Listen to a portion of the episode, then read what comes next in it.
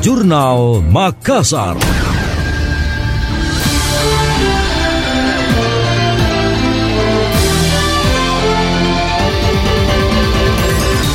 Menteri Pertanian Sahrul Yassin Limpo menyebut stok pangan di dalam negeri aman jelang momen Natal 2022 dan Tahun Baru 2023. Pemerintah berkomitmen menjaga ketersediaan bahan-bahan pokok dengan melibatkan lintas sektor. Pemerintah memberi atensi 12 komoditas pangan strategis, masing-masing beras, jagung, bawang merah, bawang putih, cabai besar, cabai rawit, daging sapi, kerbau, daging ayam, telur ayam, kedelai, gula pasir, dan minyak goreng. Sejauh ini 12 komoditas pangan tersebut aman dan terkendali.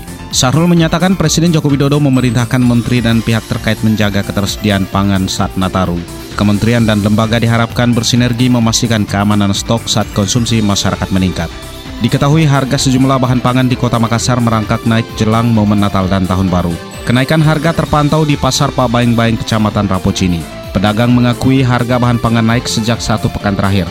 Kenaikan berlaku antara lain untuk cabai, bawang, hingga minyak goreng. Salah seorang pedagang pasar Darwis mengatakan pihaknya terpaksa menaikkan harga jual minyak goreng curah kemasan. Hal itu dikarenakan harga yang mereka peroleh dari distributor juga tinggi. Menjelang Natal dan Tahun Baru Nataru 2022, masalah keamanan menjadi perhatian dari pemerintah Provinsi Sulawesi Selatan. Kepala Badan Kesatuan Bangsa dan Politik Kesbangpol Sulawesi Selatan Asriadi Sulaiman mengaku terlepas dari momen jelang Nataru pihaknya selalu waspada terhadap hal-hal yang dapat mengganggu kerukunan umat beragama dan lainnya. Terkhusus yang disebabkan oleh tindak kejahatan yang berbau suku, agama, dan ras atau sara. Meski begitu, Asriadi menyebut tidak dilakukan pengawasan secara khusus karena telah menjadi bagian rutin dari pihak kepolisian. Menurutnya, pengawasan dilakukan di beberapa daerah yang memiliki keberagaman seperti Luwu Timur, Palopo, dan Parepare. Terpisah, Pastor Gereja Katedral Makassar Wilhelmus Tulak juga mengimbau para jemaat agar tetap waspada terhadap hal-hal yang tidak diinginkan. Bukan hanya ancaman keamanan tapi juga cuaca buruk yang berpotensi mengganggu suasana Natal. Di sisi lain, Wilhelmus menambahkan Natal tahun ini mengusung tema semangat kebersamaan.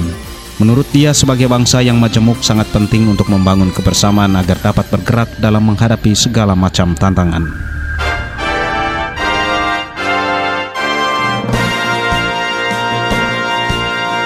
Demikian tadi Jurnal Makassar.